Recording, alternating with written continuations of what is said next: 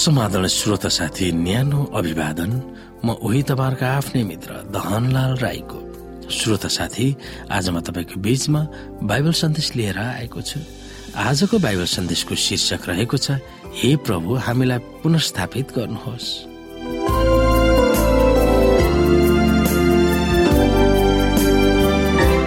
श्रोता साथी हामी भजन संग्रहको पुस्तक साठी अध्यायलाई हेर्न सक्छौ। यो प्रार्थनामा प्रयोग गर्ने उपयुक्त भजन हो। तर यो भजन कुन अवसरमा प्रयोग गर्न उपयुक्त छ हामी सोच्न सक्छौ। भजन संग्रहमा लेखिएका विलापका समयमा पनि जीवनका आनन्दमय मौसमहरूलाई मध्यनजर राखेर त्यस भजनबाट हामी कसरी फाइदा लिन सक्छौ।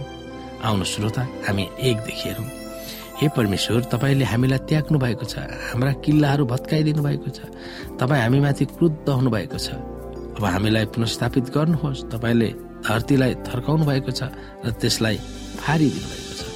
त्यसका धाँजाहरू पुरिदिनुहोस् किनकि त्यो हल्लिँदैछ। तपाईँले आफ्नो प्रजालाई कठिन कुराहरू भोग्न लाउनु भएको छ। तपाईँले हामीलाई धर्मराउने मद्दत दिनुभएको छ।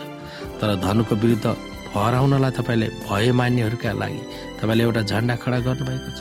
सेला तपाईँको दाहिने बाहुलीले हामीलाई बचाउनुहोस् र मद्दत गर्नुहोस्।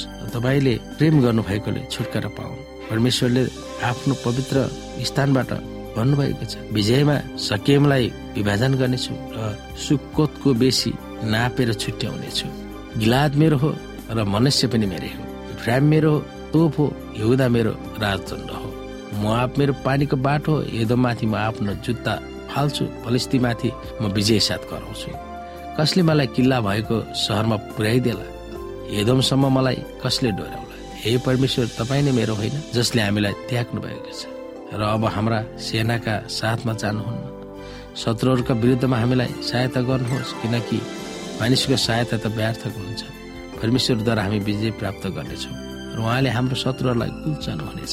श्रोत साथी शारीरिक मानसिक आत्मिक र सामाजिक कष्टहरू गुज्रिरहेको बेलामा विलाप गर्न विलापका वचनहरू रचेका हुन् भनेर लोकप्रिय धारणा छ।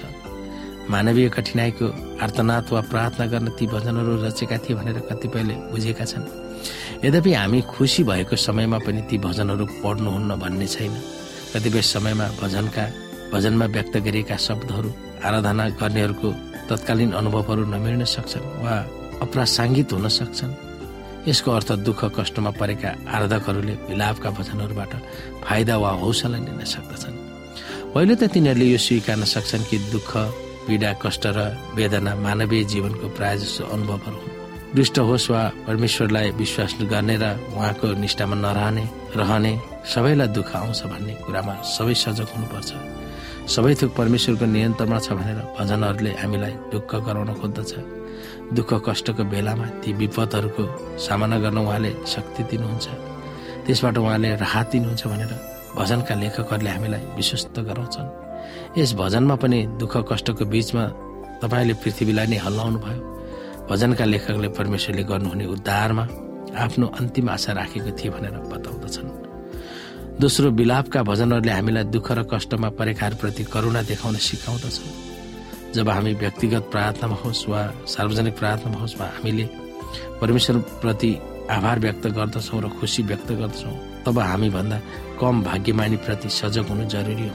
ठान्नु पर्दछ हामीसँग अहिले असल थोकहरू होला तर हाम्रा वरिपरि रहेका कतिपय मानिसहरू अभावले ग्रस्त भइरहेका हामी मध्ये कसैलाई थाहा नहोला। यी विलापका भजनहरूलाई प्रार्थनामा प्रयोग गर्दा कतिपय मानिसहरू कठिन परिस्थितिमा परिरहेकालाई याद गर्न हामीलाई सहयोग गर्दछ।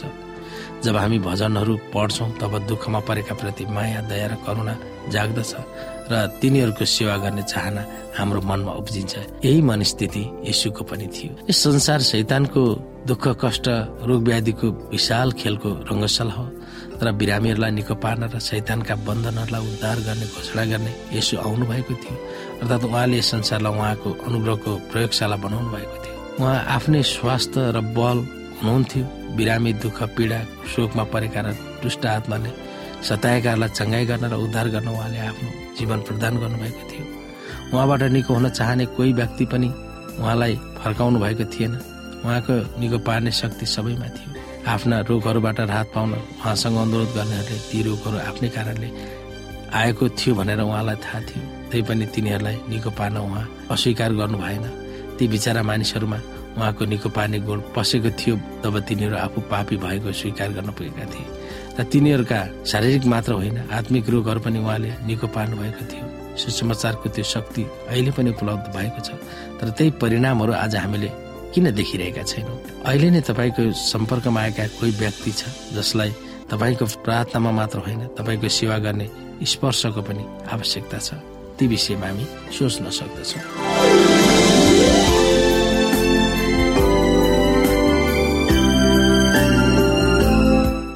श्रोता साथी आजको लागि बाइबल सन्देश यति नै। हस्त नमस्ते। जय मसिंह।